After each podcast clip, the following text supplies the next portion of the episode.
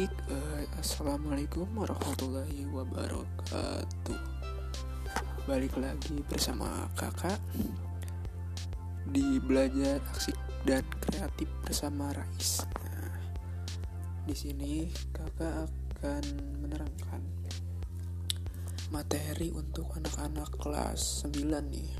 Nah, kalian anak-anak kelas 9 yang mau lulus nih harus paham nih tentang PPKN karena PPKN akan berpengaruh ke depannya untuk kalian untuk menjadi harapan-harapan bangsa dan menambah rasa cinta kalian terhadap negara. Nah, di sini uh, yang kakak akan bahas yaitu materi PPKN di bab 4 nih.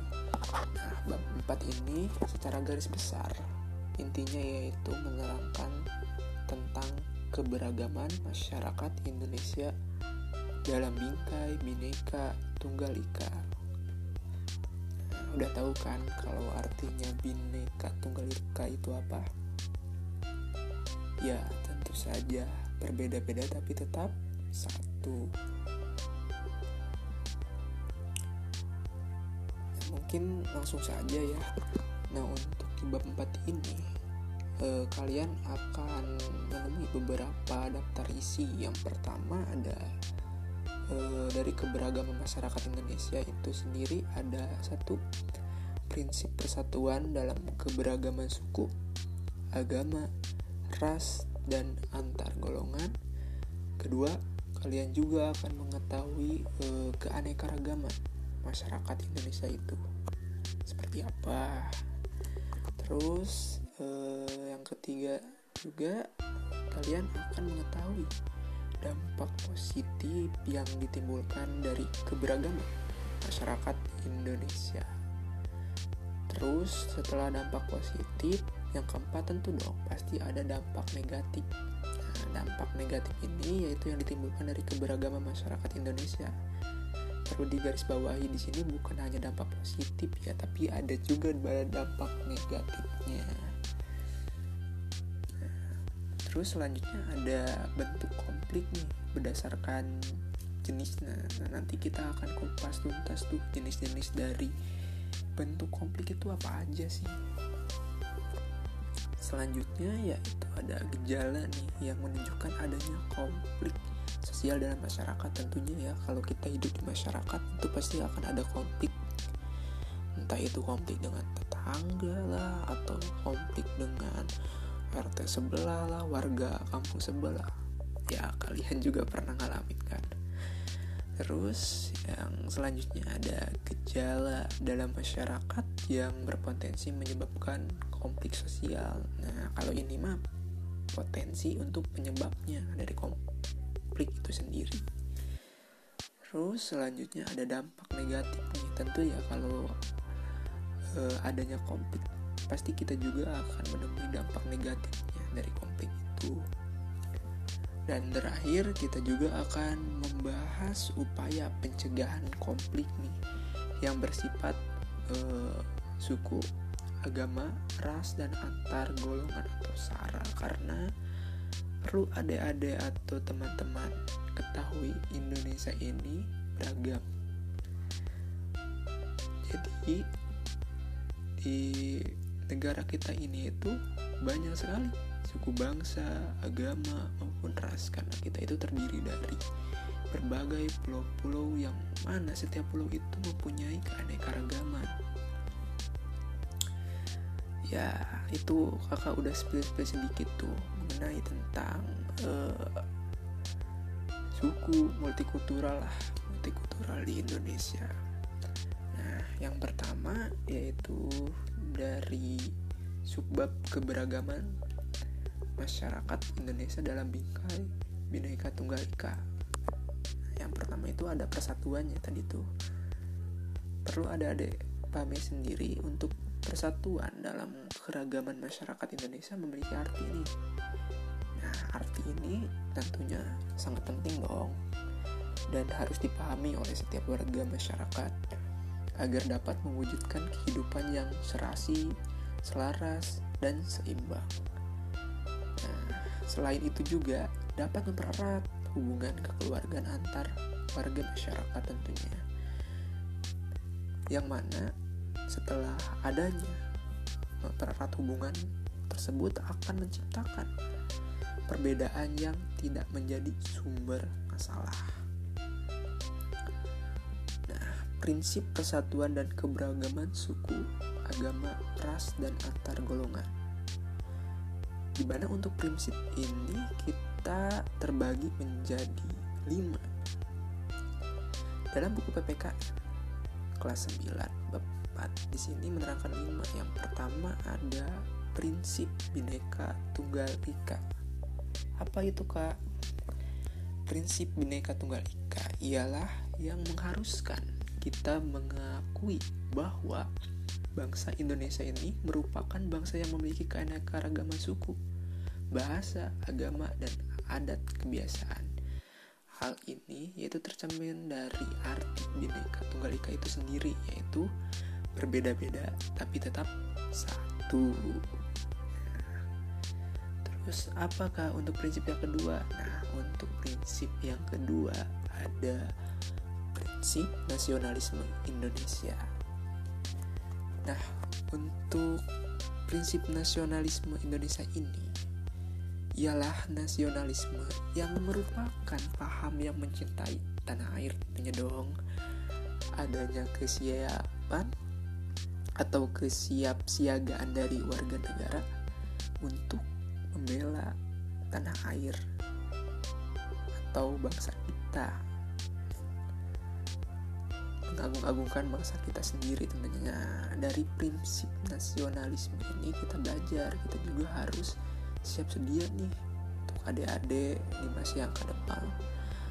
Kalau ada penjajah misal Belanda atau nggak Jepang kembali lagi atau ke bahasa asing deh kalau kembali lagi ke Indonesia kita juga harus siap nih untuk membela tanah air tentunya. Jangan jadi warga negara yang apa-apa tuh ya pentingin diri sendiri jangan seperti itu ya. Nah untuk prinsip selanjutnya ada prinsip kebebasan yang bertanggung jawab. Nah tentunya udah tahu sendiri kan dari kata bertanggung jawab itu apa. Nah untuk prinsip kebebasan yang bertanggung jawab tentunya setiap warga negara memiliki kebebasan untuk melakukan sesuatu kebebasan yang akan dipertanggungjawabkan di hadapan Tuhan Yang Maha Esa. Entah itu agamanya apa, ya tentunya akan dipertanggungjawabkan ke Tuhannya masing-masing. Terus selain kepada Tuhan, tentu akan dipertanggungjawabkan kepada sesama manusia serta kepada bangsa dan negara tentunya. Nah, ada tiga konteks nih untuk pertanggungjawaban di prinsip ketiga ini. Yang mana kita itu nanti untuk setiap kebebasan yang kita lakukan itu akan dipertanggungjawabkan. Entah itu ke Tuhan, sesama manusia, serta negara. Jadi ada-ada walaupun negara kita itu terkenal demokrasi yang arti dalam artian bebas lah orang-orang menyebutnya adik-adik sendiri juga harus tetap berpegang kepada acuan norma entah itu agama untuk kepada Tuhan entah itu kesusilaan kesopanan untuk ke manusia sesama manusia atau di masyarakat. Dan tentu kepada norma-norma hukum ya adik-adik. Karena kita juga hidup di negara ini diatur oleh hukum. Jadi harap adik-adik jangan menjadi manusia. Ya jadi manusia bebas. Oke tapi tetap harus dalam kaidah-kaidah yang normal ya. Ya kita langsung saja. Takut kepanjangan juga kan ini podcastnya. Ke prinsip wawasan Nusantara. Nah apa itu? Ialah merupakan cara pandang bangsa Indonesia tentang diri yang lingkungannya yang merupakan suatu kesatuan ideologi, politik, ekonomi, sosial budaya, dan pertahanan wawasan Nusantara ini kalau kakak kata sih bisa disebut wawasan kebangsaan juga nih karena mencang, mencangkup di dalamnya itu ada ideologi, politik, ekonomi, serta sosial, budaya, dan pertahanan keamanan di negara kita.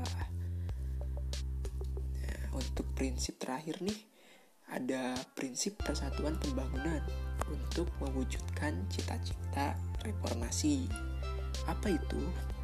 Dengan semangat persatuan Indonesia, tentunya kita juga harus dapat mengisi kemerdekaan serta melanjutkan pembangunan menuju masyarakat yang adil dan makmur. Nah, hal tersebut sebagai cita-cita dari bangsa ini di era reformasi saat ini kita jangan ya kita sekali-sekali bolehlah flashback ke orde lama ataupun orde baru tapi kita juga harus bisa melihat konteks kita ada di zaman mana. Nah sekarang ya mungkin adik-adik juga udah tahu ya kita sedang berada di eranya reformasi nih yang mana untuk cita-citanya udah kakak sebutkan tuh yang tadi. Terus uh, untuk sebab selanjutnya yaitu uh, keanekaragaman masyarakat Indonesia. Kan tadi udah kakak spill tuh atau kasih uh, kakak kasih gambaran tuh apa sih keanekaragaman tuh? Keanekaragaman in, itu tuh terdiri dari atau bisa dilihat dari perbedaan suku bangsa. Suku bangsa contohnya seperti apa kakak? Suku bangsa misalnya ini ada suku Minang nih di Sumatera atau di Padang kawasan e, Sumatera.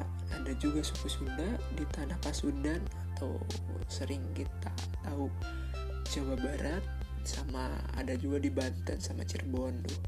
Tapi kalau untuk Cirebon yang kakak tahu itu nggak semua sama Banten tuh nggak semua suku Sunda. Karena mereka juga ada yang menggunakan bahasa Jawa e, menurut daerahnya masing-masing bahasa Jawa Banten Banten Cirebon juga Cirebon. Nah itu tuh e, menurut pemahaman kakak itu berbeda loh.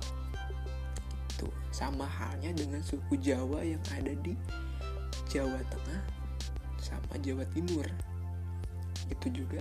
Kalian kalau pernah mainnya ke sana itu tuh pasti untuk uh, cara bicara coba kita bandingin deh cara bicara orang Surabaya dengan orang Jogja atau Solo pasti jauh berbeda. Entah itu dalam penggunaan kata dan sebagainya.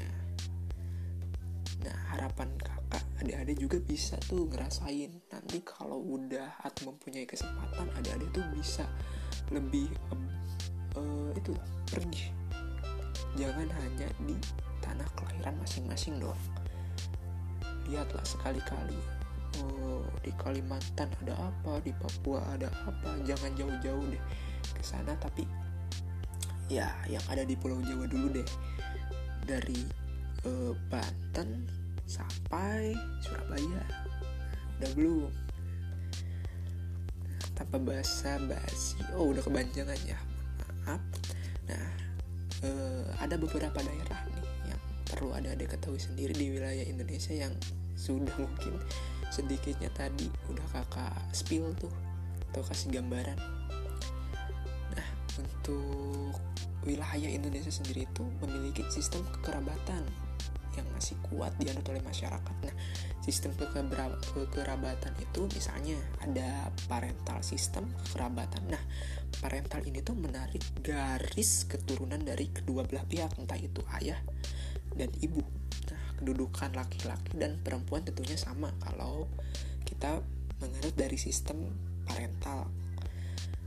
Nah, sistem parental ini terdapat di daerah umumnya itu daerah Aceh dan Jawa Barat. Terus yang kedua juga ada patrilineal system.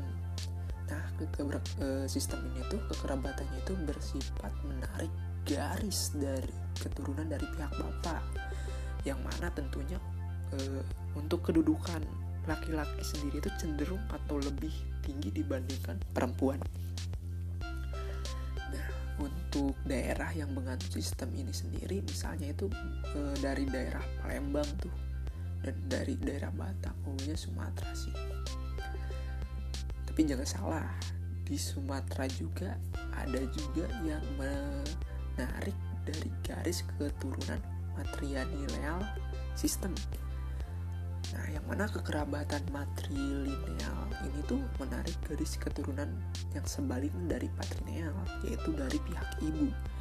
Dan tentu dong kalau tadi dari patrilineal yang lebih tinggi kedudukannya laki-laki, yang dari ibu tentu perempuan yang lebih tinggi kedudukannya dibandingkan laki-laki. Misalnya di daerah mana aja kak? Misalnya itu di daerah Minangkabau yang kakak ketahui itu. Jadi untuk mama-mama Minangkabau ini ya berbeda sedikit lah dengan daerah-daerah di Indonesia. Yang lainnya yang mana? Seperti yang kita ketahui sendiri ya untuk daerah Minangkabau ini sendiri tuh wanitanya terkenal eh, pinter masak terus Eh, bisa berhemat terus cenderung lebih bagus lah dalam mengurus uh, rumah tangga sehari-hari ataupun kehidupannya sendiri. Jadi rata-rata untuk uh, cewek-cewek Minangkabau ini mandiri loh. Iya entah itu di cara dia berhemat atau bisa memanajemen keuangan terus pinter masak terus ya bisa di dan untuk ada ada ketahui sendiri itu untuk suku-suku di Pulau Jawa ini itu di luar maaf di luar Pulau Jawa ini cenderung lebih suka ke luar daerah merantau. Untuk wanita-wanita Minangkabau ini pasti kalian juga menyadarikan kalian suka merantau. Nah, dari sistem kekerabatan yang telah kakak jelaskan di atas juga kita udah sadari dong bahwa bangsa Indonesia ini memiliki keberagaman masyarakat yang disebabkan oleh suku, budaya, agama, dan keyakinan serta golongan atau ras. Nah, keberagaman dalam masyarakat Indonesia dapat menimbulkan berbagai masalah dalam masyarakat apabila dicegah dan diatasi dengan baik. Langsung aja ya ke dampak positifnya dulu nih dari ditimbulkan dari keberagaman masyarakat Indonesia. Di mana ada tiga nih yang ada di buku ini.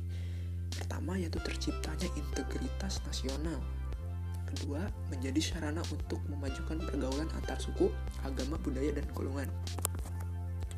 Ketiga dapat memperkaya kasanah budaya bangsa. Setelah kita ketahui dampak positif tentu ada dampak negatifnya nih yang ditimbulkan dari keberagaman sini ada empat ya. Yang pertama ya tentunya karena keberagaman sendiri kita juga gak bisa terhindar dari yang namanya konflik dalam masyarakat. Munculnya sikap primordialisme yang mana yaitu di e, artiannya itu yang berpegang teguh pada hal-hal dibawa sejak kecil.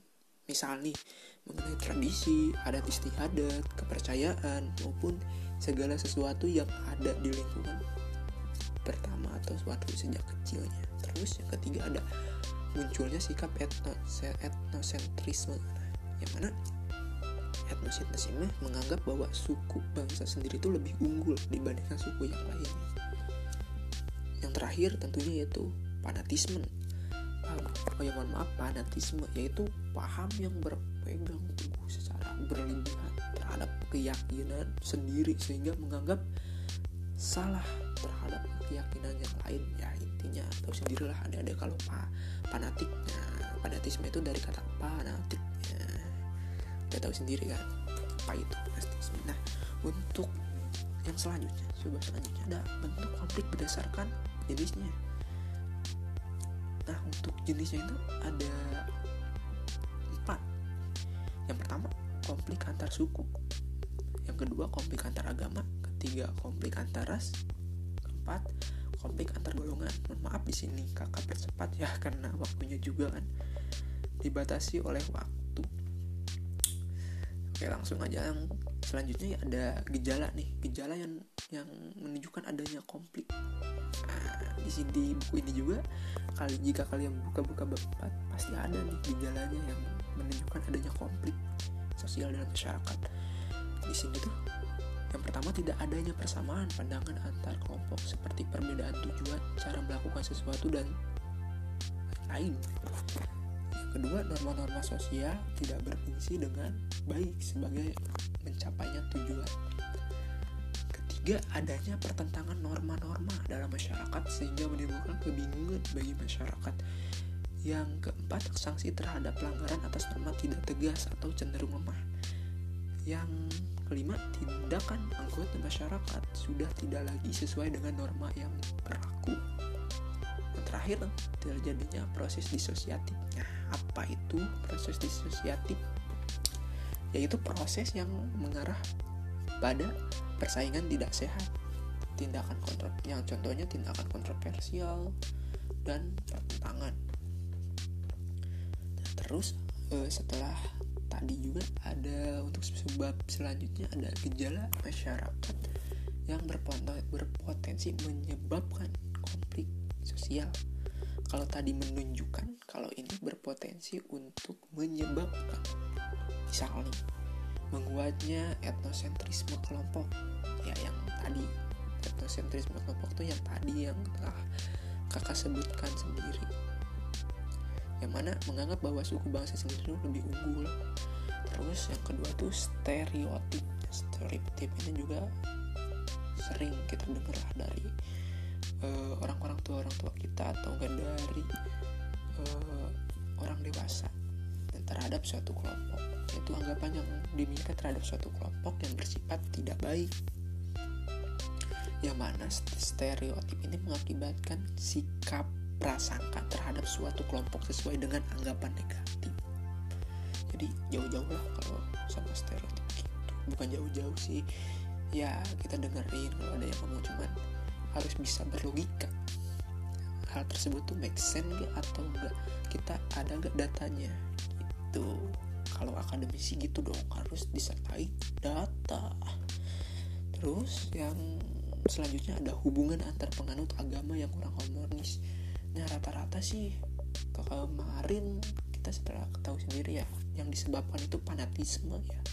Sebenarnya itu hubungan yang kurang harmonis antara agama itu disebabkan fanatisme yang berlebihan nih terhadap keyakinan agamanya masing-masing sehingga menolak e, sikap toleransi terhadap agama lain. Kakak harap untuk adik-adik kita harus tetap senantiasa menjunjung tinggi rasa toleran terhadap pemangku agama lain. Entah itu agamanya apa pun. Ya selagi agama itu mengajarkan kebaikan kita harus toleran. Oke yang terakhir ada hubungan antar penduduk asli dan penduduk pendatang nih yang kurang harmonis. Contohnya kayak yang terjadi tuh di Sulawesi tuh yang kemarin baca sih jurnalnya. Ada tuh uh, intinya itu masyarakat asli sana itu menolak kedatangan pekerja uh, asing yang berasal dari Cina tuh.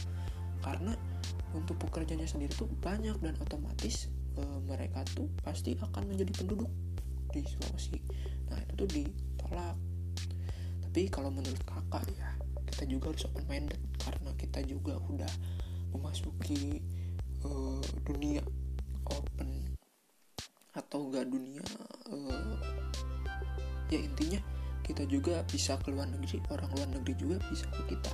Kita tuh harus bisa open karena kita juga telah memasuki masa globalisasi.